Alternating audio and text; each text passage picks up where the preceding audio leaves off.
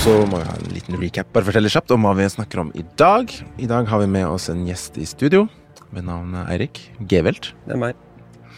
Eh, Vi snakker om hans jobb som kameraassistent, og hva det innebærer. Eller Second AC. Eller Second AC. Eller C-foto. Eller C-foto, som det også heter. Mange navn, mange Hva er det man sier? Kjære barn av mange Kjært navn. barn mange navn. Um, og ja, hans bakgrunn. Mm. Hvor han er fra, hvor gammel han er. Erik har i tillegg en uh, Under radaren på slutten som kommer fra HBO, Mm. som er veldig bra.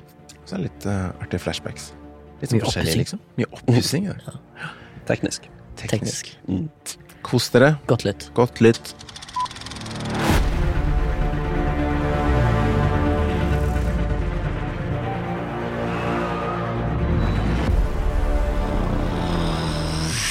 Jo, det er litt gøy. Er det litt gøy? Det er litt gøy å snakke inn i introen. Ja. Er det greit å ha meg tilbake, Baba? Deg, ja. Mm. Det er greit å ha meg tilbake. Ja, absolutt. Det er jeg som har vært borte lenge. Ja, det er sant. det. Hyggelig å se. eh, jeg syns dere har styrt skuta mange ganger nå. Jeg har ikke sett Morten på 70 år. ja, 70 opptaksdager snart. Ja. Noe sånt. Velkommen til Flashback, en podkast om film og sånt. Uh, mitt navn er Baba, og jeg er en frilans filmarbeider fra Oslo. Uh, med, meg, eller med oss i dag har vi en gjest Mm. Som vi skal introdusere snart. Jeg heter Remi, 34 år, fra Haugesund, jobber som rekvisitør. Og nummer tre er Det er Eirik, eh, og jeg jobber som kameraassistent i denne ville Vesten. Ville Vesten. Hvor gammel er du, og hvor er du fra? Jeg er 24, jeg kommer fra Kristiansand. Det er veldig viktig for Mm. alle gjestene som er med i podkasten, å si akkurat det. Det er iallfall deep law, Ja. kan du si.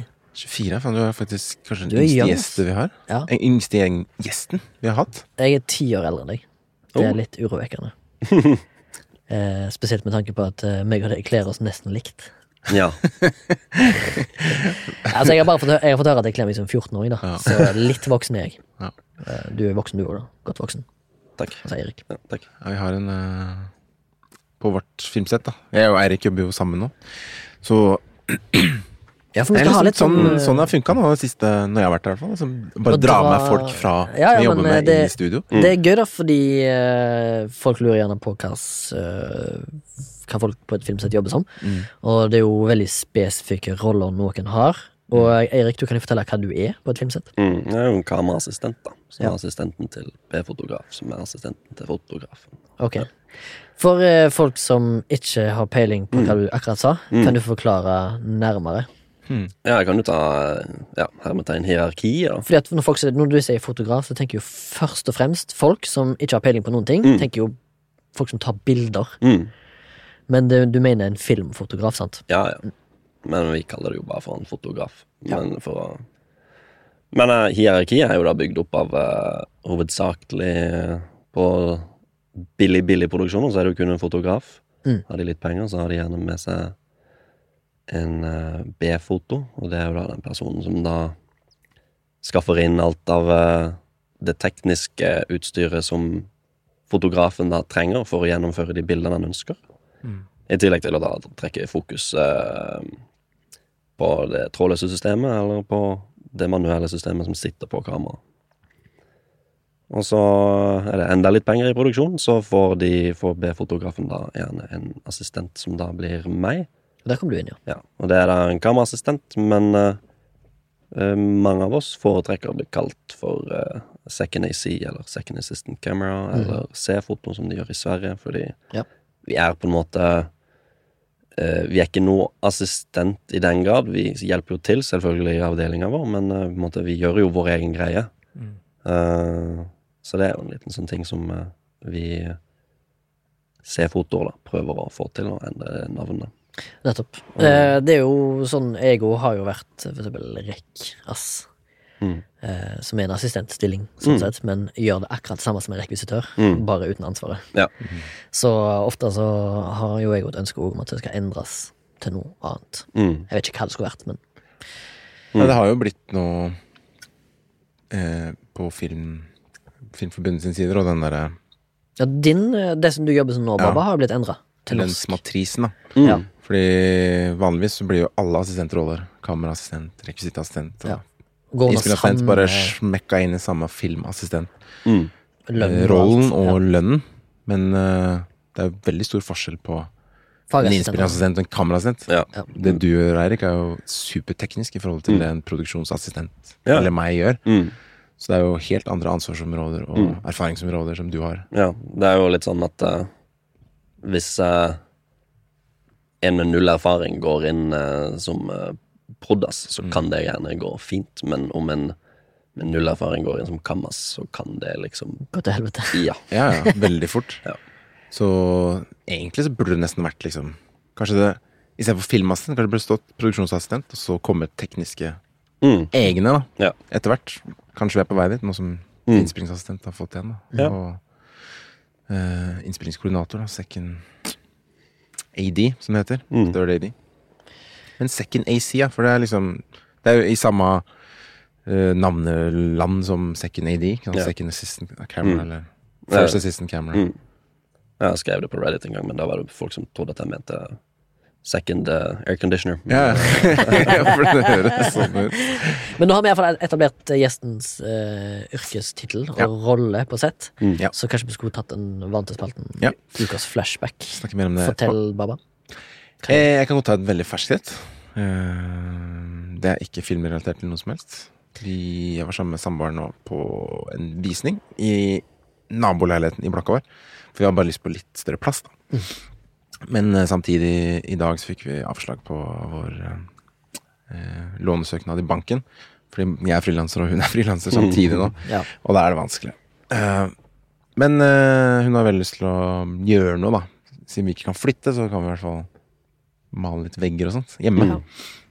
Så vi var en tur på Fluggerfarve og leita der, og så kommer det masse meninger, og så bare så, fant vi ikke noe eh, riktig farge, da. Men så kom jeg på en sånn derre type maling som er sånn sånn betong Som er sånn teksturmaling, da. Som ser ut som betong, som ikke bare er sånn mattfarge. Mm. Uh, at det er liksom det begge liksom kicka på, da. Og da fins det noe som Jotun har, som er sånn lady kalkmaling, tror jeg det heter. Som har den typen teksturen da, som jeg er på. Så dette er egentlig bare sånt mini-mini-oppussingsflashback. Så det jeg planlegger å gjøre etter vi er ferdig, vi har to uker igjen av produksjonen vår, Mm. så skal liksom prøve å fiffe opp leiligheten litt, da, sånn at det blir eh, koselig. Det er veldig koselig å bo der, men man skulle gjerne hatt det ekstra rommet, så jeg kunne hatt mitt gamingrom, og hun kunne hatt sitt treningsrom, og man kunne liksom fordelt seg litt, da. Mm. Men uh, det kommer, liksom. Jeg er bare ikke der helt ennå. Men uh, er begge unge og skal skaffe oss litt. Foreløpig. Foreløpig jeg er 31, ung ung. Fortsatt ung og lovende. Men er ikke, er ikke din uh, utkårede yngre? Eh, hun er 29, så ja. Sant? Eh, og hun ble jo nettopp ferdig med masteren, Mm. så det kommer, seg, det kommer seg jobb snart. Men i corona times og alt sånt, så er det jo tøft for alle. Koronja røverdatter, som vi pleier å si. Korona gjør altså, så vi får se hvordan det blir. Men uh, litt maling og litt greier, det, det gjør mye, vet du. Mm. Virker som du ikke har uh, fått tid til å konsumere så mye, kanskje. Ikke så mye film. Nei. Det har vært lite uh, filmrelatert. Jeg har sett en, eh, to episoder av en kul anime på Netflix, jeg kan nevne den da, Ja. som heter Doro He Doro, Okay. som var ganske kul. Det er sånn, Very nerdy. nerdy.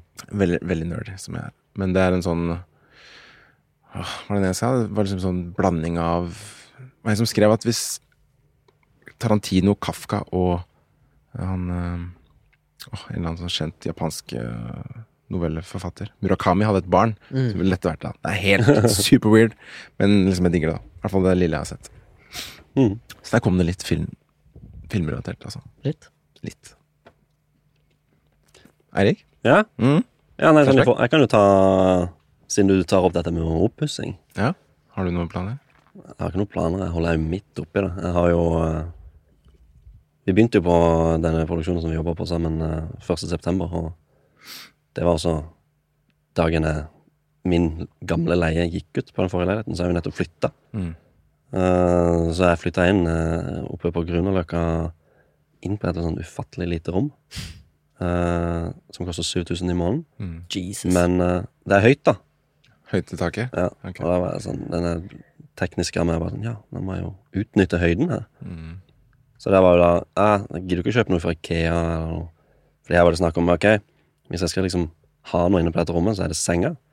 Og så er det liksom enten en kommode eller et skap. Og så er det PC-pulten. Mm. Og jeg kan ikke ha PC-pulten ute i stua.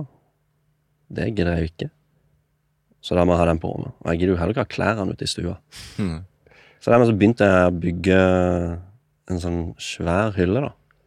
Med liksom kryssfiner. Den kosta meg oppimot 4000 nå. Ja. Og den er da 2,70 høy, Mm. og er da bygd over senga, sånn at det blir som en form for sånn alkove når du legger deg i senga. Ja. Men eh, det er jo sånn, siden vi jobber på dette prosjektet det som skulle være et par uker i Skarnes, som Ja. blei til masse, masse uker i Skarnes, og litt i Kongsberg, Mm. så har jeg liksom hver helg liksom holdt på litt og litt, da. Og det er jo det jeg holder på med, da. Så nå er det sånn Nå har jeg liksom bygd hylla, og jeg har uh, fått en uh, sånn lang Montert en sånn lang stang som jeg fikk fra min bestefar. Som er en sånn type stang som er blitt brukt til skilt. Sånn trafikkskilt. Ja, sånn. Ja. Fikk jeg kutta den, og så fikk jeg hengt den opp, sånn at jeg fikk hengt alle klærne mine over senga. Mm. Eh, så nå holder jeg på med neste del, som er å utvide hylla. Sånn at jeg får liksom bygd PC-pulten da, på en måte, inn i den hylla. Ja. Rett og slett uh, sånn plasseffektiv. Nei, eh, ja, sånn plasseffektiv, er det det heter? Mm. Mm. Eller space effective eh, Mm. area. At du, du bo, jeg går ut ifra at du bor i en gammel bygård Mm. med gamle le- leiligheter som er sånn over tre meter høye Ja, ja, de er gamle, men pussa opp på et dårlig vis også. Ja, ja, ja, selvfølgelig. Eh, Men eh, de ofte ja, Jeg bodde Min tidligere leilighet var sånn høy under taket. Mm. Jeg syns jo det er forferdelig sjarmerende. Ja, Fordi jeg har eh, Altså Der jeg kommer fra, så fantes det ikke noe sånt. Iallfall ikke så jeg vet om. Mm. Uh, Så jeg føler liksom Oslo er veldig det, det er for meg så er det det som er Oslo. Mm. Sånne gamle bygårder fra 1800-tallet. Mm. Med høye Ja, ja. himmelhvelvinger, holdt på å si. Uh, høye vinduer. Høyt under taket. Mm. Syns det er veldig sjarmerende. Ja. Så da må du utnytte spacen, da. Jeg har faktisk fant ut eh, hvorfor det var sånn. Det er jo på grunn av parafillampen som hang i taket før. Måtte henge såpass lavt nede at det ikke brant taket. ja, sant det. Det er derfor da, eh, det er så høyt under taket i gamle leiligheter. Rart. Now you know. Now you know lært noe i dag. No. Og så var ofte rosetten, som Mm. det heter. Der satt lampa hang. Jeg tror det var en sånn slags blikkrosett. Mm. Som òg var Som å- hvis det skulle være eh, varme, så tok jo den en del av støyten. Eller et eller annet. Mm. Folk betaler mye for de der rosettene, altså. Ja, Mm. det tror jeg er pricy som faen. Og de som ligger liksom rundt hjørnetaket, på en måte. Mm. Det heter jo noe annet. Men det Bo border, tror jeg. Ja. Jeg er litt usikker. Det er de, ja. Men de er iallfall jævlig fine. Mm. Og bør Men det bevare. koster en del å bygge eget, ikke sant? Sånn materialmessig. ikke De hyllene? Ja, liksom når du skal lage noe Ja. Altså, jeg var jo sånn okay, jeg hadde lyst til å bygge hele greia ut av kryssfiner. mm, Og så finner jeg ut at ok, skal man ha god kryssfiner, så koster jo det skjorte. 1000 kroner plata. Ja, men er det uh, behandla kryssfiner? Altså er det liksom uh, ikke Nei. laminert, men er det liksom Nei, det er- beisa? eller? Nei, det er ubehandla. Ja. Uh, sånn, det, ser, det ser litt sånn uh, Men har, du- har du tenkt å ta over det sånn at det ikke blir eh, så mye eh, kvist og eh, Nei, det er, for det er det som jeg er. Hvis du skal liksom kjøpe god kryssfiner uten kvist, så koster det veldig mye. Ja. Og det jeg har gått for, er jo da en sånn En hybrid, hvor det er litt sånn Det er litt kvist, men som også ser litt kult ut, da. Mm. Og så for å spare litt penger, så gikk jeg jo for noe Det var ikke spon, men uh, en litt sånn billigere variant som måtte Mm. en sånn backwall, da, for å være litt kontrast. det, det blir pricy når du skal plutselig ha en Mm. 1000 kroners plate. Ja, for jeg leite også etter en hylle Jeg bygde en bitte liten hylle for Mm. noen uker tilbake. Det så jeg. Ja, Som akkurat passer liksom mellom kjøleskapet og veggen. Mm. Og for å få utnytte den plassen. Ja, ja. Og jeg fant ikke noe som var liksom akkurat perfekt. Da. Nei. Og da måtte jeg opp noen tusen pluss, i hvert fall. Mm. Bare for det lille, liksom. ja. Jeg Men det er veldig tilfredsstillende, da. ja, ja. Når du blir ferdig. Kjempegøy, altså. så setter du pris på noe du har gjort. Ja. Ja, det er, det er noe eget med å lage det sjøl. Mm. Jeg sitter og vurderer om jeg skal lage min egen TV-benk, for jeg har en vegg som jeg må dekkes med A70, men det finnes så jævlig sjelden Mm. TV-møbel som er A70 langt. Ja, Som regel så er det to meter, Mm. A80 eller A60. Mm. Men det som mange gjør, er jo eh, Noen har liksom lyst til å bygge alt fra, scratch, men Ja. det er også mange kan gjøre som folk bruker for eksempel da, som PC-pult. Mm. Så er det mange som går til uh, Ikea. Så kan du kjøpe en sånn type Jeg husker ikke hva de heter. Benkeplate? Nei. Ja, At du liksom på en måte kjøper da bare et nattbord eller en tynn, smal kommode, og så, så bruker du mye penger på en flott eh, benkeplate, da, som Mm. du da kan kutte opp, fordi de har liksom ikke papp på innsida. Mm. Så kan du legge det på, på toppen, da. Stemmer. Mm. Så du kan liksom du må ikke alltid følge reglene til IKEA. Du Nei. kan liksom bøye de reglene. Det er sant. Mm. Har bøyd en del regler som rekvisitør og kjøper mye ting på Ikea hele tida. På de produksjonene jeg jobber på. Ja. Min flashback denne uka er rett og slett at i går, som var en fredag Vi tar opp dette på en lørdag, bare så det er sagt. Så um, kjøpte jeg meg en god del vin. Mm. Og jeg hadde noe, kjøpte noen reker. Uh. Så lagde jeg meg rett og slett en reke, rekesmørbrød. Mm. Og så så jeg eh, Ringenes herre extended version, Fellowship of the Ring, uh. eh, hjemme. Alene. Ja. Eh, siden det er pandemi fortsatt, så er det jo ikke så mye sosial kontakt en kan ha. Og da må du jo fylle kvelden din med noe, og Mm. hva er vel bedre enn å fylle det med en instant fucking classic på tre og en halv time? Mm. Da går kvelden, da. Ja. Jeg må bare si, det er nok kanskje en åtte-ti år siden sist jeg så Ringenes herre. Eh, den første, altså. Eh, eller egentlig hele trilogien. Og Extended er jo Jeg tror det er oppimot 30 eller 40 minutter lengre enn teater... Altså det te teatralske mm. releasen. Jeg tror den teatralske releasen er to timer og 50 minutter, eller 40. Og så er Extended tre timer og 20 minutter, hvis jeg ikke tar helt feil.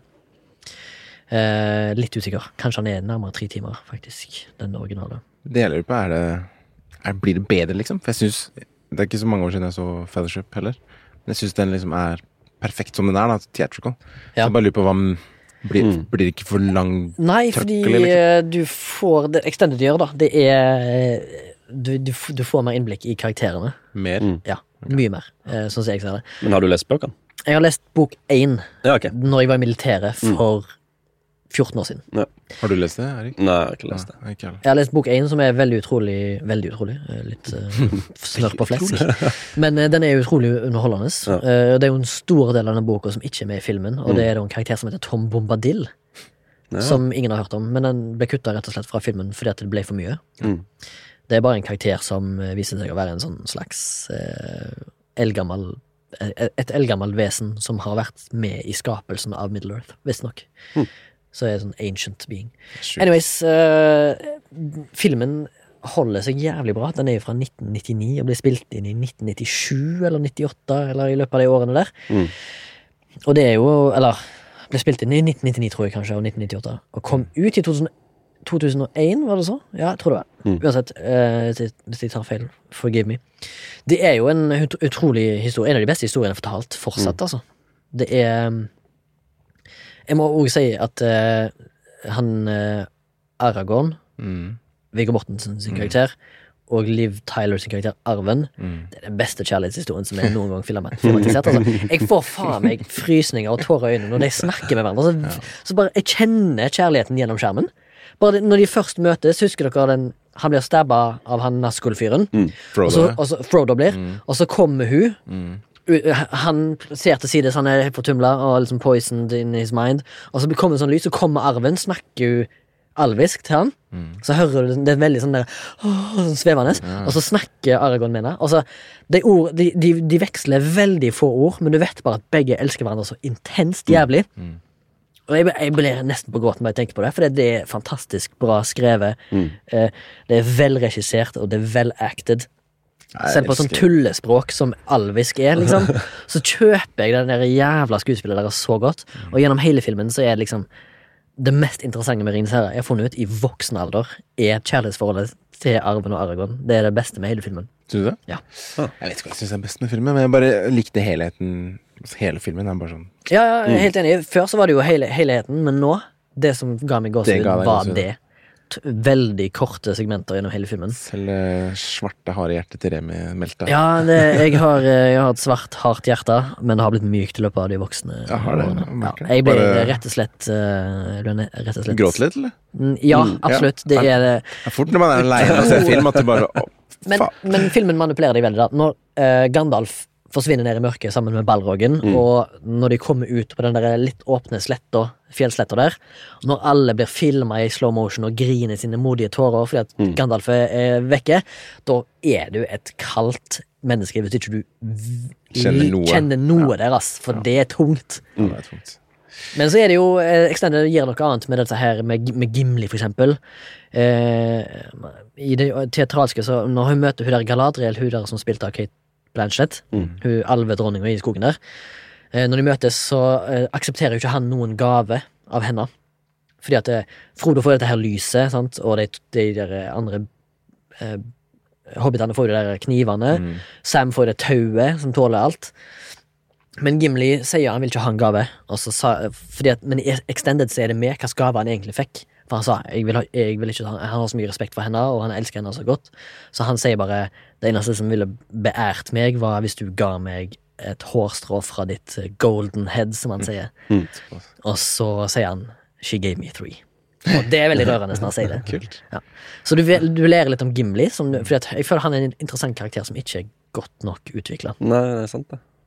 Så det er min flashback, da. Kult. long som han var. Nei, jeg har aldri turt å dra på det derre trilogi extended-maratonet på det, kino. du må jo pisse men, eh, annethvert minutt i Mm, kinosal. Det er typisk at du sitter på kinoen, og så må du pisse. Mm. jeg må vel se, se de en gang. Må lange. Ja, i en og samme dag og en og samme Nei, men bare i hvert fall se de, da. ja. ja. For å se hva Absolutt jeg anbefaler å se Ringens herre igjen, for de som ikke har gjort det på en stund. It's good shit. Mm. Ja, -hmm. skal vi hoppe Kanskje vi hopper rett til Eirik sitt virke? Jo. Ja. Droppe Mortens? Ja, Ja, vi gjør det. Vi har får sikkert masse Det kommer opplysninger. masse opplysninger her Ja, det gjør fra Eirik sitt. Du nevnte så vidt før vi begynte å snakke at du har gått på Danvik folkehøgskole. Ja. Det visste jeg ikke. Nei. Fortell litt om det. Filmverdens snarvei. Filmverdens snarvei. Ja, ja, det er godt sagt. Mm. Jeg har hørt om mange som har gått på Danvik. Ja. Er det, det er ikke i Oslo? Nei, det er i Drammen. Drammen? ja. Mm. Ja, nei, altså eh, Min historie da er jo at eh, jeg har på en måte aldri hatt noe sånn eh, Noe stor passion eller noe mål for liksom, noe jeg vil virkelig drive med, men uh, Men så Og jobbe med film, tenker du på? Ja, det var liksom Det var aldri Nei, det var mer uh, noe som på en måte bare kom, da. Mm. Uh, så jeg gikk jo på videregående i Kristiansand og visste liksom ikke helt hva jeg skulle drive på med etter videregående. Og så, Gikk du studiespesialisering, liksom? mm, Ja. og så hadde jeg jo litt sånn media som valgfag. Og, og det var jo da jeg presterte godt i de filmoppgaver vi hadde, og jeg syns det var eh, underholdende. Og så var det min bror som alltid hadde liksom pusha på meg. 'Du må gå på folkehøyskole, det er så sykt bra.' og det må du gjøre. Så dermed så søkte jeg bare sånn, ja, søker på alle folkehøyskolene i Norge som har filmlinje. Det er en del. Ja, det var eh, Eller det er 14. Ja, det er en del. Jeg kom, eh, kom inn på alle bortsett fra to, for de hadde lagt ned linja. Ja. Og så var det sånn, ok, eliminere. Ja. Så får man mye dritt i posten da, fra disse stedene som en, Ja, her har du nøkkelring, og her har du mye greier. Og så ble det til at jeg gikk på De Danvik. frister med nøkkelringer. Ja, ja. Og bøff. Ja, bøff, ja, ja, selvfølgelig. Og Uh, refleks, kanskje. ja, det var det nok også. Refleksbånd. Og så var det da Danvik jeg valgte. Det er jo den som eh, jeg har hørt mest filmarbeidere og skuespillere i Oslo har gått på. Mm. Hvis jeg ikke tar 100% feil, så var vel Benjamin Helstad involvert i det òg. Litt usikker, kanskje. Skuespiller, altså. Ja. Mm. Kanskje. Og så var jo det Ja, det var jo folkehøyskole, så det var jo gøy, det. Mm. Um, Det er ett Et friår. ikke sant? Ett år, ja. Ja. Uh, hvor- Hadde du andakt? Var det kristent? Ja, det var kristen. De aller fleste er kristne, ja, men jeg tror det er fordi de får subsidier fra staten hvis de er det. Uh, Her var jo rektor og lærere kristne, og noen lærere var ikke det i det hele tatt. uh, Men det var jo mer sånn der uh, morgensamling hver dag, og Ja. da var det noen lærere som valgte å prate om kristendom, og da var det bare sånn ok, for min del som ikke er kristen, da var det egentlig bare å koble av. Så. Så alle folkehøyskoler i Norge er basert Eller som har liksom Ja, de har kristne verdier, ja. kristen- Det visste jeg. Mm. Ja, de har det, aller fleste. Iallfall sånn som jeg har hørt om det. Men uh, jeg valgte jo der, da, på grunn av de Eller de er den eneste folkehøyskolen som har uh, et andreår i praksis. Mm. Ah, For de samarbeider med ja, 50-60 forskjellige arbeidsplasser eh, som da dems elever kan søke på praksis. Det er nice. Mm. Så jeg hadde jo egentlig aldri noen planer om det, fordi jeg hadde kjæreste som jeg hadde vært sammen med i to år når jeg flytta fra Kristiansand, og så hadde vi avstand når jeg gikk på Danvik. Uh, men uh, så var jo folkehøyskole så bra, og folk skulle til Oslo, og så var det sånn, ja, får jeg søke på andre år, da, bare for gøy. Se om jeg kommer inn noe sted. Da, da søkte jeg på Krypton Film, som er et sånt eh, teknisk eh, filmhus da, som måte leier ut kamera og lys og studio. Mm. Og så De holder til i Nydalen Nei, det gjør de ikke. Torshov. Torshov, ja. Yes. ja. Nede i Myrens verksted. Myrens verksted. mm, For de som er kjent lokalt. mm. Og der var det jo sånn De var eh, Ja, hvor mange var de? De var fem stykk som jobba der når jeg begynte. Og så fikk jeg jobbe der eh, i ni måneder som praktikant, hvor det var liksom Jeg fikk lære mye om det kamerautstyr, og begynte etter hvert å gå litt over på den lille lysavdelinga som de da hadde, og liksom tok og håndterte det, for det var det liksom ingen som ville ta på, fordi alle var camera heads. Mm. Og så lagde jeg selvfølgelig lunsj hver dag. Mm. Men uh, når de Til alle. Ja, til alle. Ja. Så Det hyggelig, da. typisk. Eh, Vaske dass og lage lunsj til alle. Ja, nei, det vaske dassen slapp jeg. Men eh, så gikk det ni måneder, og så fikk jeg tilbud om uh, sommerjobb. Mm. Og da var det sånn ah, Jeg kan nå jobbe her og faktisk få betalt fullt for alle timene. For når du var praktikant, hvordan var lønnen da? Måten det fungerte på, da, for skulle For det var jo støtta av Lånekassa. Mm. Så for at det skulle fungere, så var du praktikant mandag til og med torsdag.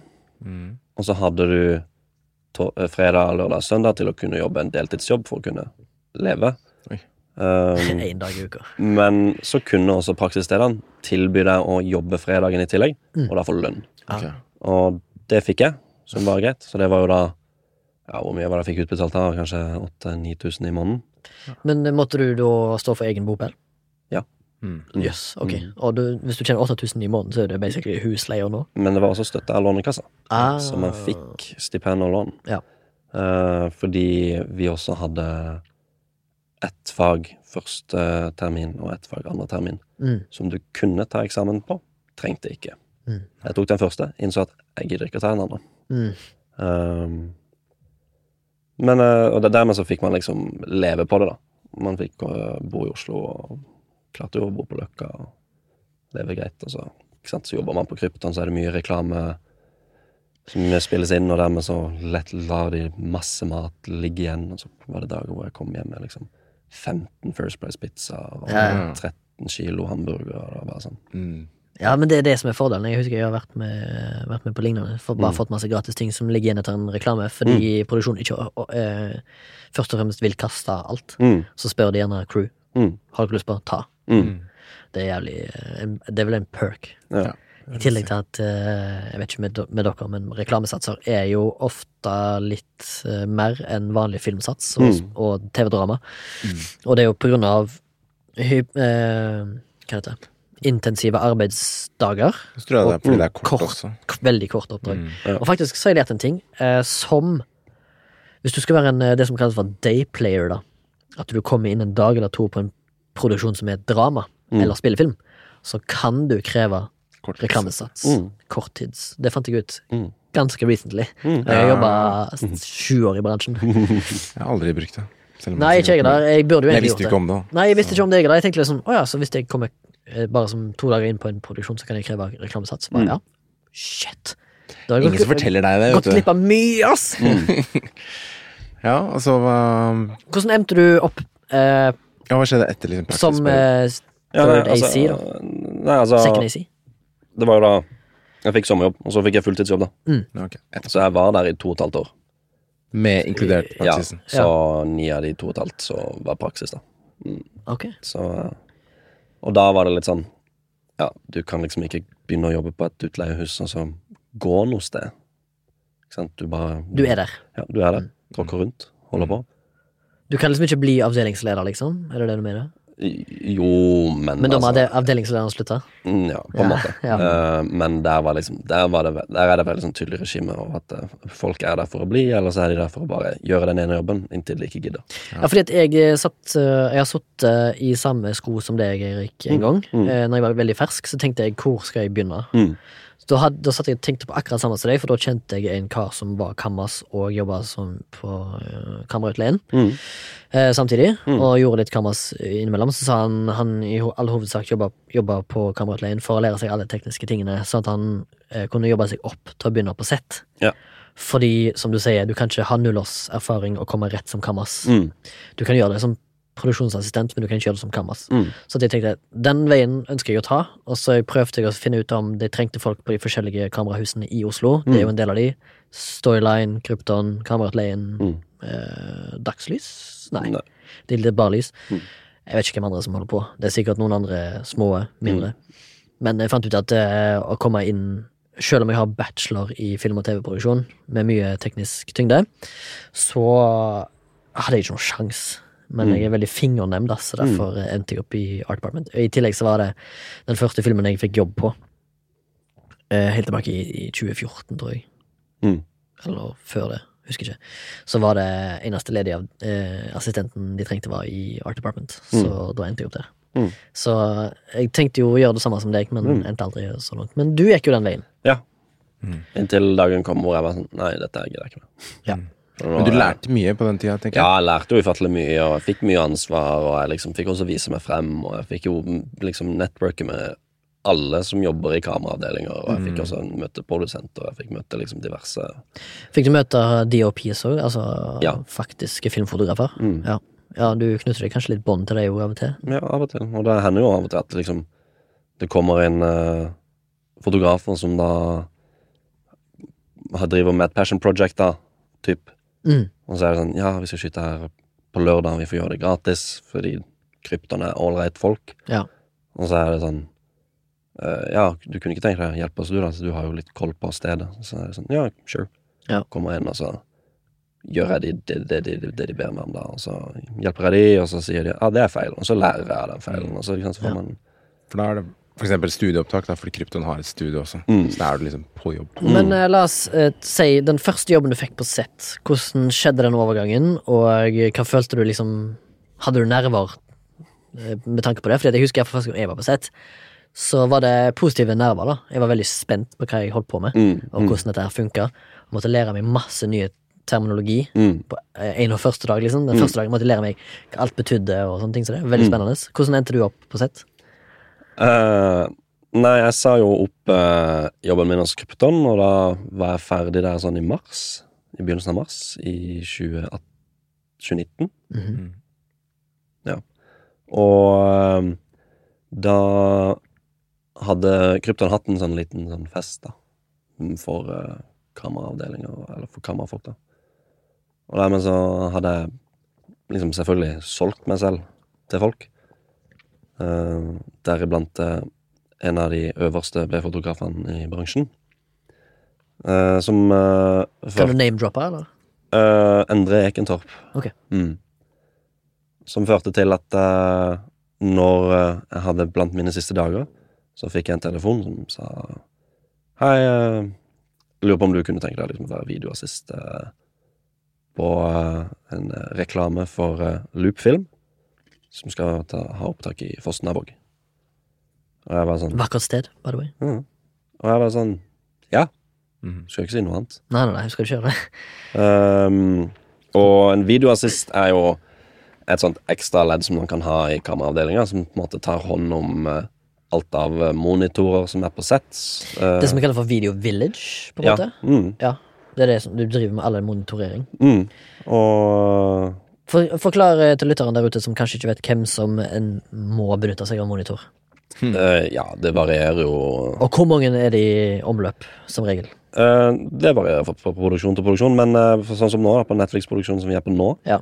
så er det da eh, en større monitor, en 17-tommer monitor, eh, som går til eh, skript. Så det er hun som sørger for at alt holdes i kontinuitet, og at eh, Mm. scenen tar den tida, den, eller opptakstida, liksom, så lang den skal være. Ja. Uh, og den er også sånn til dels til regi, hvis han ønsker å se på en større monitor. Mm. Regissøren har også en egen håndholdt uh, syvtommer, Mm. som man kan liksom drasse med seg hvor enn det skulle være. Som er trådløs og Eh, og så har vi også en 17-tommer til, som er liksom til det jeg kaller, jeg kaller det bare for div, fordi liksom folk flest titter litt i den, for den er liksom litt lenger vekk fra sett, så da har ja, stab by props, kostmask, Mm, mm. ja, lys. Og så er det da Third AD en uh, på statist. Statistregi. Til. ja. Og så har vi jo da uh, Så har jo B-foto har jo også et bilde på sin uh, full- og fokussystem. Ja. som Jeg har hørt fra enkelte gamle travere i bransjen, de kaller ofte den eh, De har sånne stativer, så har de, de eh, drar fokus på, mm. så har de monitor på den, Mm. så kaller de den altså for Gandalf. Um, Som er litt sånn referanse til Ringenes herre, men det er ja. det er en stav. noen, ja, nei, det, det, Noen bruker stav. ja, noen kaller det for stav, noen kaller det for pinn. Noen, Noen kaller det for Gandalf. Ja, noen kaller det for stokken. Liksom alt det. Det er gøy. Mm. At ting Og- kjært barn har mange navn. Mm. Og så, på den produksjonen her, så har jeg også gitt trollespillet til uh, Lysmester. Ja. Mm. Sånn at han kan uh, løpe rundt og stå hvor enn det skulle være, og justere på løpene sine. Og noe som er nytt for... Nei, faktisk i sommer var det første gang jeg møtte på det. da er jo Vuer, Mm. som er en app. Ja. Man kan også få bilder på telefonen sin. Ja. Jo, men den har jo sånn makskapasitet på hvor mange som kan logge seg inn på nettverket. Ja. Mm. For jeg brukte Jeg har vært jobba som standby props, altså settrekvisitør på norsk. Mm.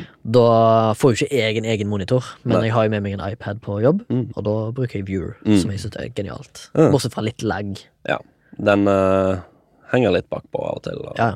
Men det er jo jævlig viktig for alle fagavdelingene å få med seg hva som skjer i bildet, fordi alle er jo er nødt til å, De er rett og slett ansvarlig for at sin avdeling skal ikke drite seg ut, først og fremst, Mm. og at ting henger på greip Ja. rent kontinuitetsmessig. Mm. Og det gjelder både lys, det gjelder kostmask, det gjelder props, det gjelder statistregi. Det gjelder liksom alt, da. Mm. Og foto. Ja. Er, Og script. er Vuer en eh, norskprodusert greie, eller? Nei, nei. Nei, nei, nei. Det er de samme som lager det trådløse for de vanlige monitorene. Lager okay. viewer-systemet, da. Ja. Mm. Så når du jobba for Loopfilm-reklamen, så var du videoassistent, var det det? Der var jeg videoassistent. Ja, så du må være på en måte det, det fjerde leddet i hierarkiet. Ja. Um, Ja, fire. og Eller det som Når du er videoassist, da, Ja. så tar du da hånd om ladebatterier. Mm. Uh, sørger for at alle har bilde til enhver tid. Dra koakskabler og sånn? Eller hva det Ja, heter? ja, dra BNC-kabler. BNC det, ja. Og Altså Men uh, på reklame så er det liksom Det er ikke så veldig mye sånn monitor, så lenge det er bare så, Ja, det her var jo før covid, da, så dermed Mm. så var det liksom ikke Da kan man folk dele monitor, men nå er det litt mer strengt på det. Mm. Men uh, da Ja, så da tar man hånd om uh, ladebatterier og video. Mm. Så hjelper man til der det behøver til uh, hjelper kameraassistenten. For folk som er helt noobs, og Mm. det han snakker om nå, monitor, er rett og slett en direkte feed fra kamera. Mm. Sånn at du ser hva kameraet ser. Ja.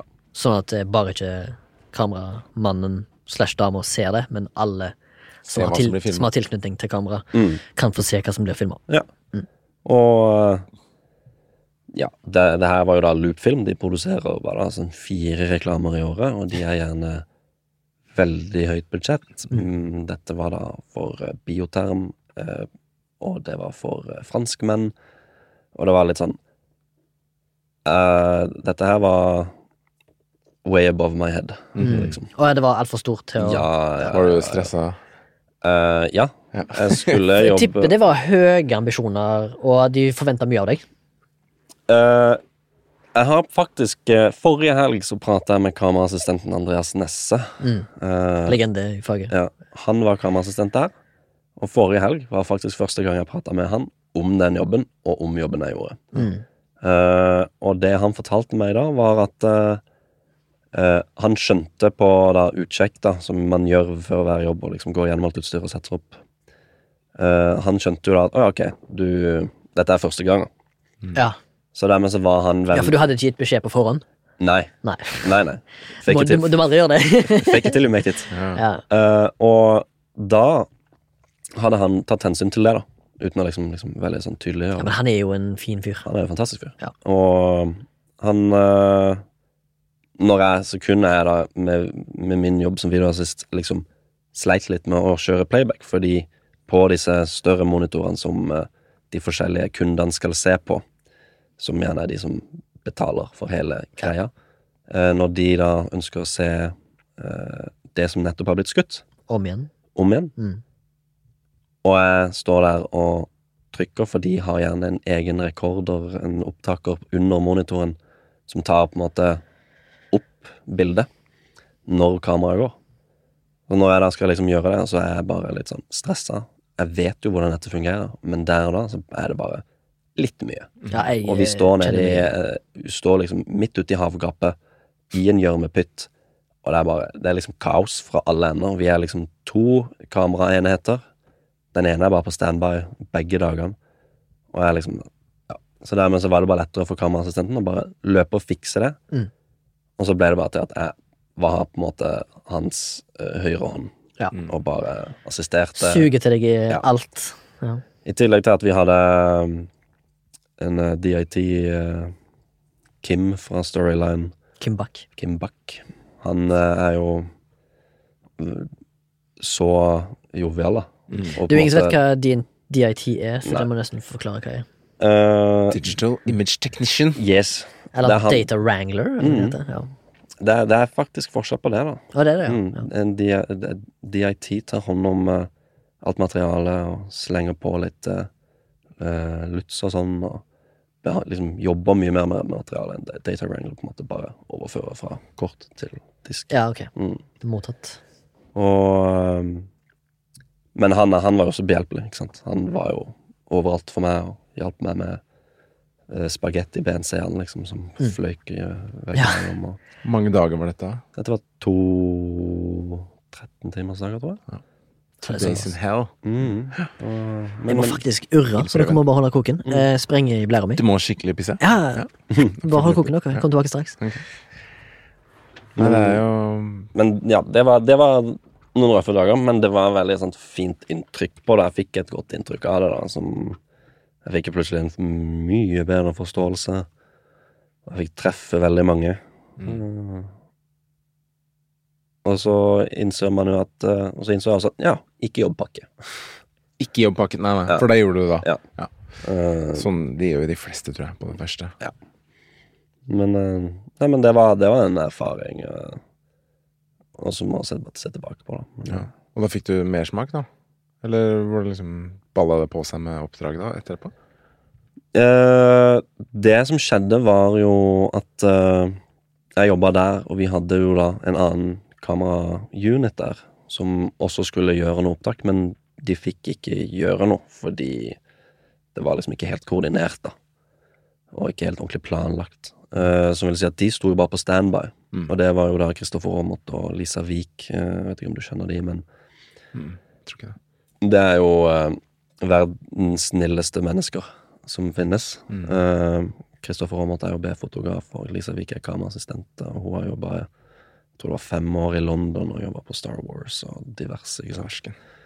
Um, og de hjalp meg litt når de så det.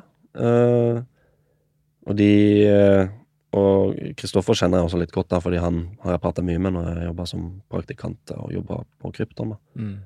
Så når vi da var eh, ferdig på den jobben der, så var det ikke lenge etter, jeg tror det var en måned eller halvannen måned etter, hvor eh, Hjem til jul sesong én skulle begynne opptak. Mm. Og det skulle også være to kamera. Mm. Uh, og da hadde de hatt en uke opptak i Røros. Hvor de da innså at uh, Lisa Wiik da ikke klarte å. Eller det var veldig mye jobb for henne uh, enn nødvendig. Så Mm. dermed så spurte de uh, produsent om de kunne få inn en uh, kameraassistent på B-kamera Mm. som kunne få praktikantlønn. Mm. Men selvfølgelig, jeg står jo der og bare nikker glad og liksom Ja, selvfølgelig skal jeg ta dette her. Mm. Og dermed så fikk jeg være med de, fordi Kristoffer og Lisa hadde sett meg på den jobben, og så det at eh, Ja, han gjør kanskje ikke jobben så bra akkurat nå, men eh, Ja, potensialet. ja. Ja. Uh, er i hvert fall det jeg tenker, at de kanskje tenkte. Ja. Men uh, det var da som De fikk meg inn dit, og så har det egentlig bare balla på seg. Mm. Det har liksom gått fra det ene til det andre. Jobba jo på en HBO-serie i fjor høst, og Det er liksom perfekt eh, å være kammas på B-foto, da, sånn som læreprosess, mm, liksom. For da er man liksom litt skjerma fra det Ja, man er store.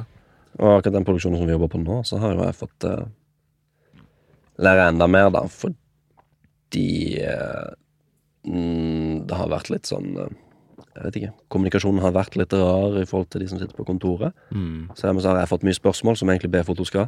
Mm. Men jeg har jo bare vært sånn Ja, jeg kan bare ta det. Mm. Fikse det. Ja. Og så samkjører jeg det med B-fotografen, og så er han sånn Ja, men ser, ja, det ser fint ut. Så etter Hjem til jul tror du HBO-serien Eh, Utmark, Ja. som kommer til vår. Den har jeg utrolig eh, er mye forventninger til, Ja, Mm. mye bra. fordi jeg hører så mye bra. Ja. Og at eh, jeg har tatt før innspillingen så var manuset ganske solid. Mm. Jeg vet ikke om du har eh, samme greiene Eller jeg, jeg vet iallfall at sånne kontrakter jeg får, så er jeg ofte eh, pålagt til å lese manus før arbeid. Det vil hjelpe kanskje deg òg. Jeg har aldri lest manus. Du har aldri lest manus?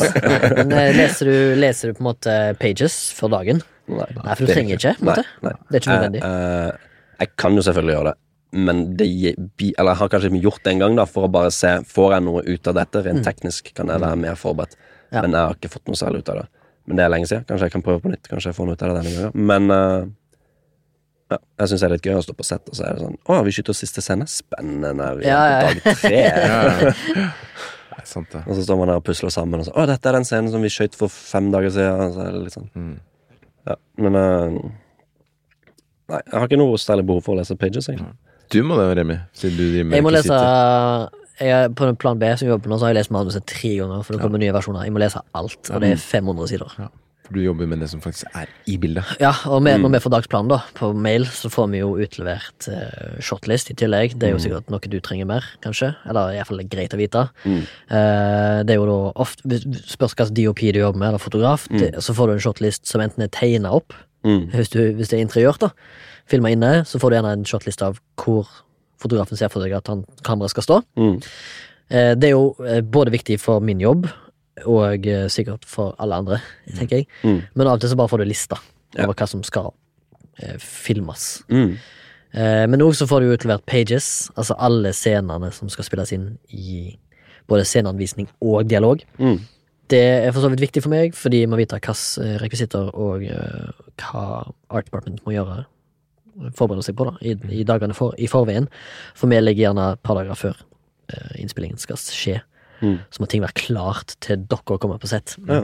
Det er jo det som er vår jobb. Så selvfølgelig er manus veldig viktig for oss. Vi må jo vite hva vi skal finne. Ja. Fordi det, det er overraskende hver gang, men ofte på når vi kommer på et eh, Når vi har klargjort en location da, på et filmsett, så er det alltid noen som sier Å ja, har dere laga dette? Bare sånn, ja.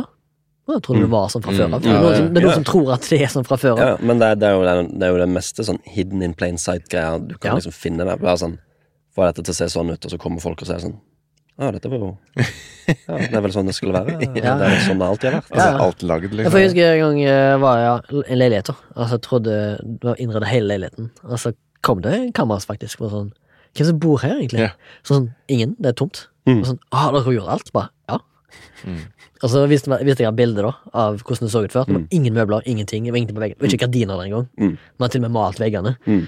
Han bare hæ? Det er helt forferdelig, da. Ganske fersk, da. Men det var jo jeg òg. Men jeg synes det var liksom gøy, da. At eh, folk tro Altså, det er jo på en måte en liten gevinst. Hvis du har en god, uh, godt crew og en god sjef som har planlagt godt. Folk tror jo at det å lage ting alminnelig er enkelt, Mm. men det tar timevis. Mm. Og hvis folk sier at det, de tror at folk bor der, så er jo det et kompliment, egentlig. Mm. Hvis, hvis ting skal se ekte ut, da. Ja. Så det er jo litt gøy. Eh, jeg har et spørsmål til Erik, selvfølgelig. Mm. Hvem ellers? Men eh, du slår meg som en veldig smart type. Og veldig Takk. Ja, vær så god.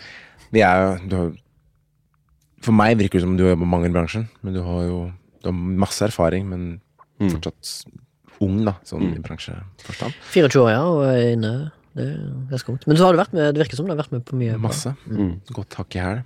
Uh, så jeg litt på veien videre. Du nevnte litt for meg en sånn idé du har. For vi er jo i filmbransjen veldig løsningsorienterte. For vi må liksom finne smart Mm. løsning på Mm. ting kjapt.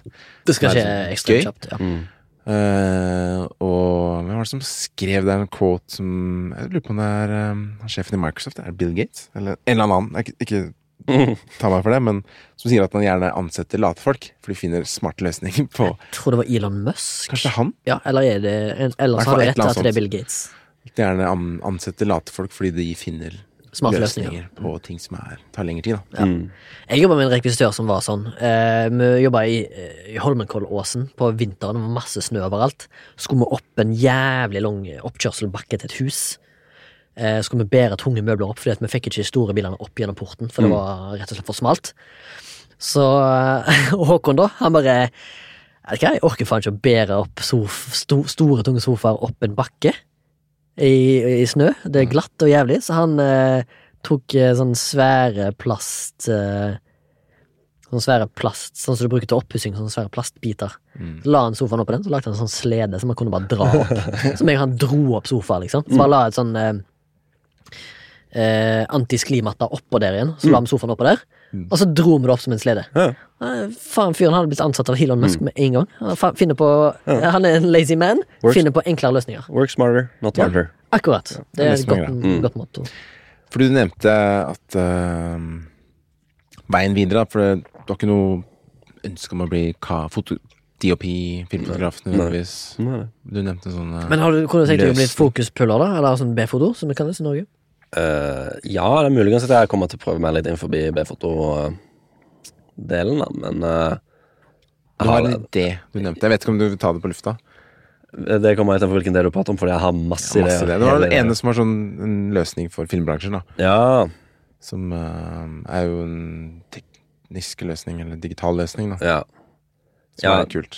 Jeg skal, ikke- jeg kanskje ikke gå så mye i dybden på Nei, det. hva det dreier seg om, men jeg, jeg, det, poenget er vel heller at jeg syns måten å kommunisere på i filmbransjen er ufattelig gammeldags. At du skal da e-maile folk, og så kanskje noen tekster, og så er det noen som ringes, og så er det liksom veldig mye sånn Ting flyter litt overalt, men alt, alt er på en måte også litt sånn gammeldags. Mm. Og så skal du liksom få disse forskjellige planene, da. Mm. Det er så ufattelig mye dokumenter. Mm. Jeg bruker jo bare callshit. Mm. Mens du bruker jo sikkert eh, Jeg bruker pages, jeg bruker manus, jeg bruker callsheet. Ja. jeg bruker shotlist. mm. Mm. Og eh, Ikke sant. Alt dette jeg skal legge Betale for Dropbox, til og med. ja. Ja. Og det er liksom Alt dette her skal liksom gå via mail, da. Mm. Jeg syns det er ufattelig rart. Vanskelig å kommunisere og liksom Hvorfor kan man liksom ikke bare skrive et sted, post, og så har alle fått Ja. den? Tenker du kanskje på Team Folders på Dropbox?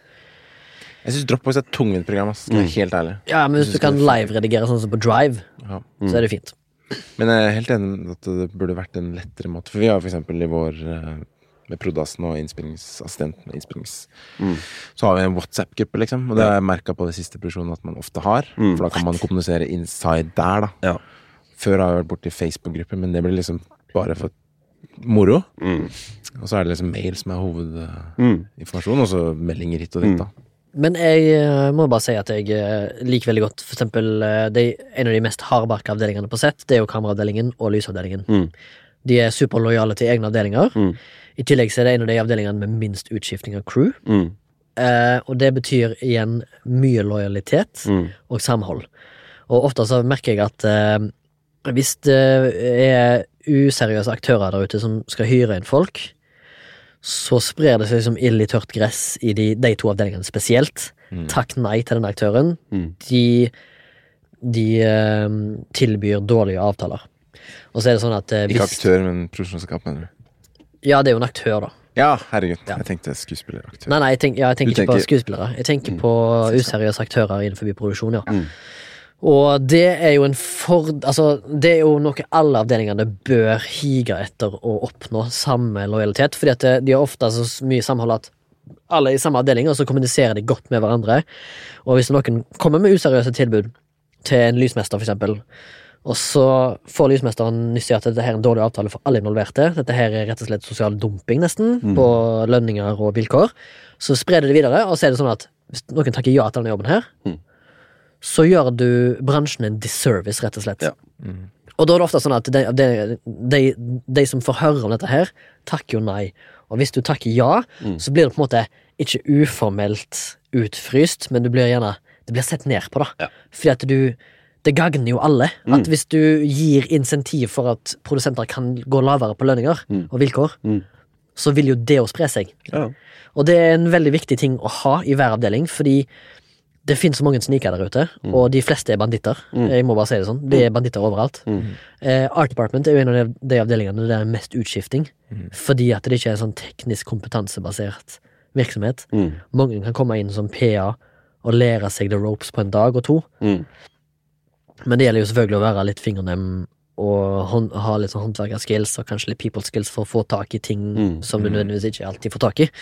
Eh, men samtidig så er det liksom sånn Vi ønsker iallfall gjerne å ha en samme samhold da, i avdelingen, men det er litt vanskelig. Eh, Art Department er i tillegg en av de største avdelingene på et filmproduksjon-crew. Mm.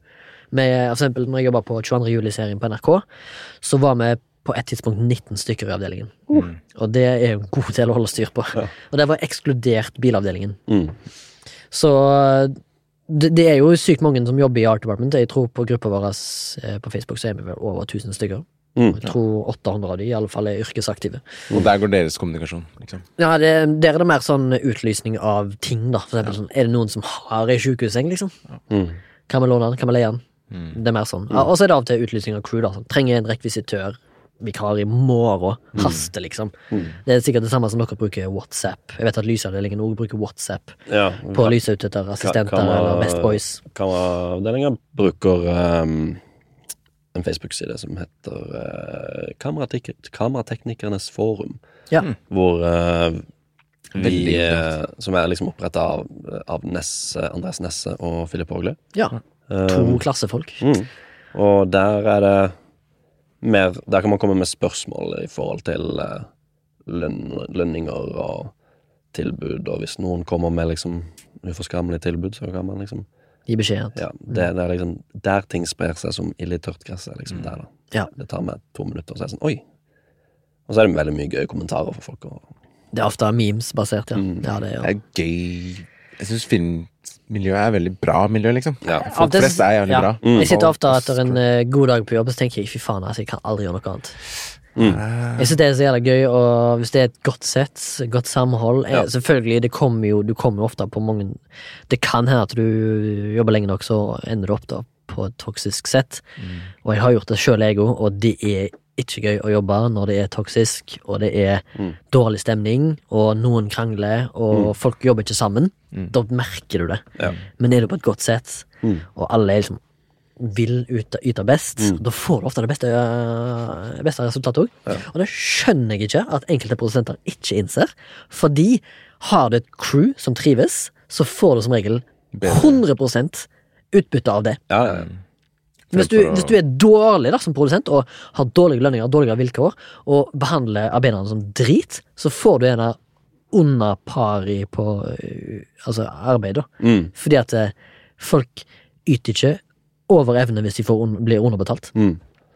Ja. Sorry, Mac. Og for min del, som har jobba snart i to år i bransjen, jobba ja, sånn som jeg ser det, hovedsakelig på Hjem til jul sesong én. Veldig god stemning. Ja. Jobba på Utmark. Eh, ufattelig. Altså, det er liksom, jeg, tror, jeg tror ikke det skal Jeg tror ingen klarer å slå den jobben. Mhm. Så jobber jeg på jul sesong to. Ufattelig god stemning. Mhm. Jobber på nå på denne Netflix-serien her, eh, med Baba, og god stemning.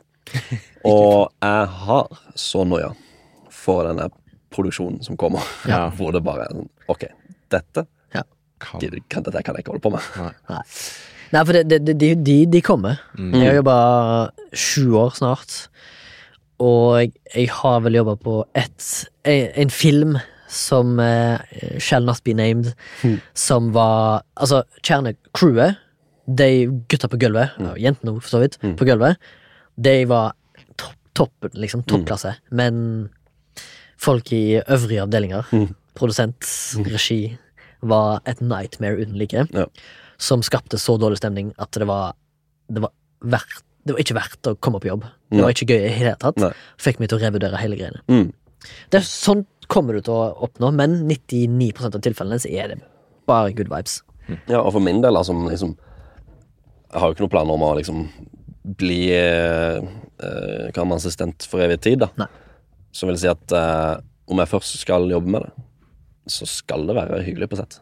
Jeg er helt enig, og 100% står innenfor det. At Mm. eh, hvis det, s, s, Den dagen filmbransjen blir kjedelig og drit å jobbe, Mm. så gidder jeg ikke jobbe. Jeg er helt enig. Det er alt for meg å ha det bra. Ja. 80, 80 av jobben er jo folka og stemninga. Og, Absolutt. Mm. Og litt sånn, jeg liker den cowboytilværelsen. da At eh, når det går litt armere bein, det er litt positivt stress Mm. involvert.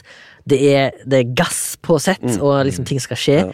Digger det. Ja. Den stemningen der kan ingen ta fra meg. liksom For de færreste av oss, som oss, i hvert fall oss tre, da, de tenker jo ikke så mye på sluttresultatet som regi og alle det gjør. Nei. Når vi er på sett hver dag, liksom, Tenk så er det jobben og folka og mm. de utfordringene der og da. Og så håper man jo at Det er jo så jævla gøy når du havner på ny produksjon. Så er det ofte sånn eh, du, Det er ikke som første dag på sånn skolen. sant? Du, det er mange nye folk, Mm. ofte gjerne. Eller hvis du har jobba en del, så kjenner du alle. Men eh, det er alltid noen nye folk, sant? så det er som første dag på skolen. Og så etter hvert så blir du så varm i trøya, og så blir du kjent med folk, og så det liksom, begynner du med en egen sjargong, det blir en sånn intern humor på sett. Ja. Og de vanskeligste, eh, de vanskeligste dagene på jobb er liksom den dagen du skal si ha det til folk. Ja. Siste vel- Det, blir det, det er de verste dagene, liksom. Ja. Det er så drit å si ha det til folk. Mm. Det er derfor man trenger en eh, god rappfest, men i Ja. covid så vet man Det ikke men hvordan det er. Men det er jo en fordel med å jobbe frilans som vi gjør, fordi at vi får de gode dagene. Ja. Og så får vi ofte den festen på slutten. Og det er det ingen andre arbeidsplasser som får. Den samme greia. Med det Det er båndet du får til folk. Mm. Spesielt, kan man si det. Mm. Tenkte vi skulle runde av litt, jeg. Ja, har du noe um, Hvis eh, ja, folk som har lyst til å drive med kamera kan, kan man bli fotograf gjennom denne veien du har gått, tror du? Ja, ja, ja. Ja. Du, jeg kjenner masse folk som eh, er kameraassistent. Jeg kjenner masse folk som er kameraassistent og liksom er på overgangen til B-foto, så de veksler litt mellom begge jobbene. Jeg kjenner masse folk som er B-fotografer. Jeg kjenner masse folk som er B-fotograf og liksom prøver å bli og liksom på sida driver på med fotograf. Ja. Og Kjenner du noen som er lysassistent, som har ønsker å bli fotografer, men ønsker å lære seg lys først? Ja. For jeg kjenner en kar som gjør det. Mm. Daniel eh, Varren. Mm. Han gikk den veien. Lys, lysavdelinga og kameraavdelinga går veldig sånn hånd i hånd. Mm. Uh, det er bare et spørsmål om hvilken uh, topp du vil ende på, da. Mm. Eh, du kan liksom jobbe som kameraassistent hvis du vil eh, bli lysmester. Du kan jobbe som lysassistent og hvis du vil liksom fotograf, da. Kan jeg spørre deg om to ting? Ja. Hva er det dyreste kameraet du har håndtert? Uh, Alexa LF. Og det kosta? Uh, nærmere en mill. Det er jo, en, det er jo, det er jo et huslån. Mm. Ja. Og hva er det dyreste linsa du har håndtert? Det finnes ikke tall på det. Nei. Det finnes ikke. Nei, Vintage-linser. Ordentlige linser fra 70-80-tallet. Og det er priceless? Det er priceless fordi Det er så sjukt imponerende. Altså, Fordi, nei, eller, nei, men det er fordi de kan jo ikke lages. Fordi de er fra den tida de har blitt håndtert på det viset. De Det kan ikke har det. erstattes, liksom. Er, for, for eksempel, da. eh, Den klassiske uh, Seis Superspeed-serien, da. Det finnes mm, flere sett av de her i Norge. Eh, men ett sett er jo ikke likt det andre settet av at de har blitt håndtert forskjellig. Mm. Og legger du liksom et glass der, så kan du ikke bare bytte ut det glasset. Hva skjer da, hvis uh, hypotetisk du ødelegger den, da? Um, Det er jo forsikra. Produksjonsselskapet betaler en egenandel så lenge det er innenfor forsikringa. altså, det er sikkert forsikra så jævlig. Så de får De må betale en egenandel på jeg tror det er 10 000. Mm. Uh, og så får utleiehuset en sum som de aldri gjør en vinning på. Ja. Det gjelder også nye linser. Om du ødelegger en linse, er så, vil, så, så ingen, er ingen som vinner på det uansett hvilken forsikring. Tenk det, du. Mm. Du har håndtert et uh, 70-talls linsesett som er verdi Altså, det er så Det har så mye verdi at det har ikke en pris. Mm. Det, det er morsomt, Det er ansvar eh, De har jo Du har skifta det òg, sant? Du har skifta det på et kamerahus? Ja, ja. Eller i et kamerahus? Det, det her brukte vi på begge sesongene av Hjem til jul. Å, helvete. Mm. Yes. Romcomen. Nøss.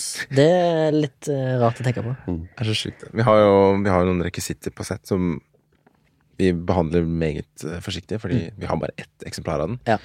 Og det skjønner jeg jo. Vi trenger jo den. Men det er så sykt stort uh, gap da mellom Ja. liksom kamera som Vi hadde en B-foto, Johan, som, fra Sverige, som driver. Han har liksom kalt han, han har sånn blanding av Tom Cruise og Brad Pitt, for han var bare helt rå, da. Og han liksom slenger kameraet på siden, og så tar han liksom nesten Dolly i Var det andre et kamera til en million, eller? Ja, ja. Ja, Det er det samme du snakket om? Ari Nei, nå, nå skyter vi på Ari Alexa Mini-LF. Okay. Ok, Som vil si at det, er- det er 500 000. Ja. Eh, Men men, men, ikke sant, så, men ting er jo at alt er jo overprisa Ja. i kameraavdelinga. Så du, liksom, du har liksom noe metall som sitter på kamera. Ja. som Det er koster gjerne 20 000, og så har du en linse. Linsen vi bruker nå, jeg tror det er rundt 150 000 stykker. Det er sjukt, Men til kontrast da, så har vi denne ene tingen som skal være i bildet, som er ena, som koster 17, Nei, var det 52 000, da. Hm. Som vi er sånn Å, forsiktig, forsiktig! Åh, åh. Og så står jeg på sida med to linser i hver, hver hånd. Ja, som er litt sånn. Det er litt funny. Ja, men jeg har jobba på en eh, film som heter Selvmordsterroristen. eh, som er en dansk spillfilm regissert av Jonas Arnby. Og eh, hun som var produksjonsassistent Nei, produksjonsdesigner der, Mm. var eh, Lars von Trier sin faste produksjonsdesigner. Hun heter Simone Roni. Grau Roni. Mm. Eller Ro Roni. Uansett. Uh, hun leide klarte, Hun og assistenten hennes klarte altså å uh, forhandle seg til noen møbler som kom levert til Norge. Mm. Dansk designmøbler. Eh, to, to lastebiler på 13 meter. Med last, altså lasterommene var 13 meter. Eh, fullt med danske designmøbler til en verdi av 3 millioner danske kroner. Og da lånte vi én stol, som var Det fantes to av i hele verden. Som het et eller annet Egget. Eh, som ikke var verdisatt. Fordi det var priceless. Mm. Den ble brukt som hero prop i én scene. Det er liksom eh, Nikolai Kostov Waldau, altså kjent som Jamie Lancer for Game of Thrones, satt i den og leste inn et selvmordsbrev i den. Det er litt sånn eh, Da tenker du liksom bare sånn Holy shit. det Da føler jeg faen ikke høy i hatten hvis noen av de altså, Vi hadde sånne store vaser som var De veide sikkert hundrevis av kilo Mm. og var høyere enn meg, som kosta sånn åh, 200 000. Mm. Det var bare sånn helt vanvittige Ja, priser. men for det som er forskjellen da med liksom kammeravdeling og deres avdeling, er det at ser du på mitt utstyr, så tenker du at det er dyrt. Ja. Ser du på den stolen, så tenker du Det er ingenting. ja, 8000? Ja, ja. Akkurat samme. Jeg husker en gang jeg var på, på sett, da, bare en liten digresjon her. Eh, vi hadde lånt en Flos-lamper. Flos er sånn designerlamper. Mm. Der det var en sånn eh, vanlig stålampe. Mm. Flos. Dette her er lånt. Og det er som regel så låner de altså Dyre designere låner ofte ut til store, populære serier fordi at eksponering. sant? Mm. Stålampa med en kuppel, og den glasskuppelen var oppå. Bang. Den bare hang på en liten gummiring. Det var greia. Det var enkelt design, men det var Flos-lampe. Den var på sett til, i huset til hovedskuespilleren. Eh, lysavdelingen skulle flytte en C-stand, knuse den. Gå i tusen knas. Og så kommer vi på sett, liksom. Og sånn, ja, det er lånt Flos-lampe, liksom. Og så, og så sier lysavdelingen ah, jeg trodde det var Ikea. Jeg. Bare den kuppelen alene kosta 3500. Sånn er En det. bitte liten glasskuppel. Cowboybransje, vet du. Ja, ja. Bare, ah, jeg trodde det var Ikea. Mm. Så de ga, ga faen! Ja. Vi bare Må vi sette prislapp på alt vi har plassert i rommet, eller? Ja, Nesten. Ja, men det er jo sånn typisk. Du, du har en dyr stol på settet, så er det sånn Kammas. Ja, sitter og Bare hiver sitter der snu, bare. klistrer snus under, liksom. Oh, digg stol. Ja, setter seg ned. Ja, det er så fort gjort. Ja, sånn er bransjen. Ja, skal vi hoppe til uh, under radar-segmentet? Ja, ja, ja. Og eh, ofte så har vi en tradisjon om å gi den til gjesten. Det er jo et segment vi bare be vil belyse et medium. En TV-serie, en film, dokumentar som du føler har gått under radaren. Og Eirik, du skal få til å ha i dag, hvis du har en. Jeg har en. Kult. I så fall så må jeg begynne å grave, eller- grave veldig fort. Ja, eller, eller så altså, kan, Jeg tror han er under radaren. Ja. Altså. Under radaren for vår del er for eksempel enten en glemt gem, kan være stor når den kommer ut, Mm. eller så er det noe som du føler har blitt forbigått av den gemene hop. da Mm. Ja, Så det, vær så god. jeg har en TV-serie som heter Barry. Ah. Barry. Ja. Mm. Den som er uh, fra HBO, Ja, med Bill Hader. Ah, ja. Legende. Mm. Jeg har sett serien. Veldig gøy. Ja. Og jeg, jeg føler Eneste grunn til at jeg vet om den serien, er fordi en kompis har sett den. Mm. Og så satt jeg på uh, Slobrua hotell slash motell eh, i Skarnes og ikke hadde så veldig mye å gjøre på rommet, så fyrte jeg opp den, og så var jeg bare sånn Dette er jo kult skutt. Dette er eh, bra skrevet. Dette er morsomt. Mm. Dette her var liksom sånn Jeg vet ikke, jeg føler en komedie fra HBO er ganske funny, som regel. Og jævlig dark ofte. Ja, Mm. og akkurat den her var bare sånn Dette, dette her koser jeg meg med, liksom. Mm. Den føler jeg Jeg har ikke hørt om noen som har sett den annet enn min, han ene kompisen min. Jeg har sett eh, begge to sesongene som er ute. Mm. Elsker det. Mm. Jeg vet ikke om Baba har du sett det? Jeg har selvfølgelig ikke sett det, Mm. men jeg har hørt om det. Mm. Ja. Og sett at det er høyt rangert på blant annet Rotten Tomatoes og Mm. IMDb. Så det er eh, Jeg er helt enig med Erik, Det er verdt å få med seg. Mm. Ja, ikke sant? Men det er sånn Man uh, veier opp, litt- veier opp fritiden sin. Ikke sant? Hva skal man bruke fritiden som? Mm. Fan, jeg digger han derre Hank. Ja. Han er så jævla funny. Og, ja, du må bare se. Ja, kult. Internal jokes. Mm. Det er to sesonger på Mm. HBO. Jeg tror det kommer en ny en òg. ja, det har jeg ikke fått med meg. Ikke blitt ferdig Hvor lang er den, episoden? 30? Det er sånn 30 minutter. 30. Nei, perfekt. da Ja. I. I to-tre setninger, hva handler serien om for deg som ikke har fått med seg? Hvis du skal prøve ekstra selge det inn. Uh, for meg som har uh, Jeg har sett uh, syv episoder, tror jeg. Ja. det dreier seg om da eh, Bill Hader, for de som vet hvem han er, som spiller en karakter som er en average Joe på gata. eh, som er da en eh, hitman. Eh, som da i første episode finner ut at eh, han er litt lei av dette. Og dermed så I en av hans jobber så snubler han seg inn på et eh, lite Ja, hva skal man kalle det? Et lite teater på, i, i Los Angeles. Hvor han eh, hav, plutselig havner på scenen, og så får eh, han og den som faktisk gjorde jobben for skuespillet på scenen, får da applaus. Og så plutselig så får han en sånn hunger for å drive på med dette. Ja.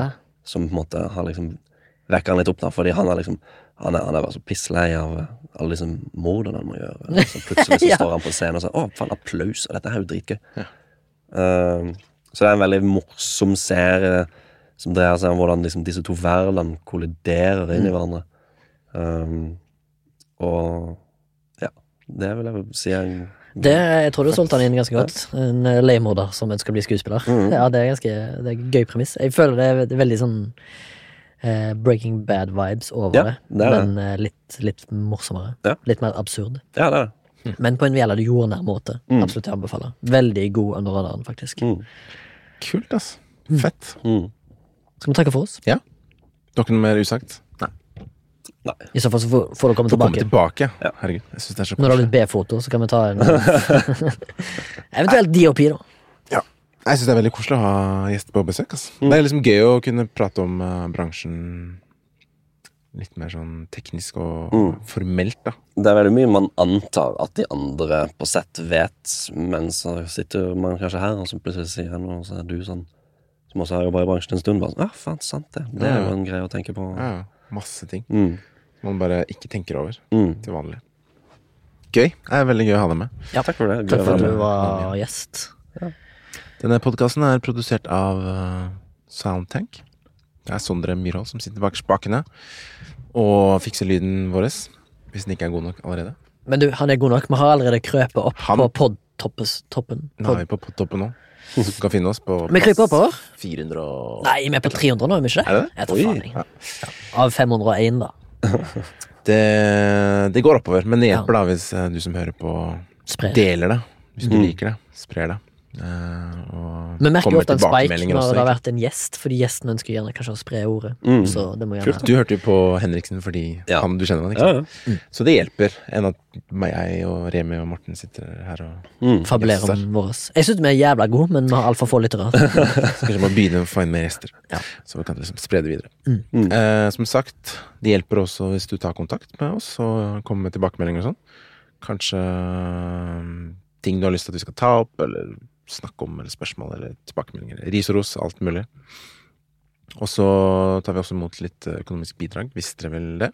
Der har vi en vips konto Der er det bare å søke opp Soundtank på Vips Og finner du podkasten vår, Flashback, og Forsiden MILF, som er en annen, en annen podkast som eh, Soundtank produserer. Ja, som, jeg, som jeg er sidekick i, eller medlem i. Medlem.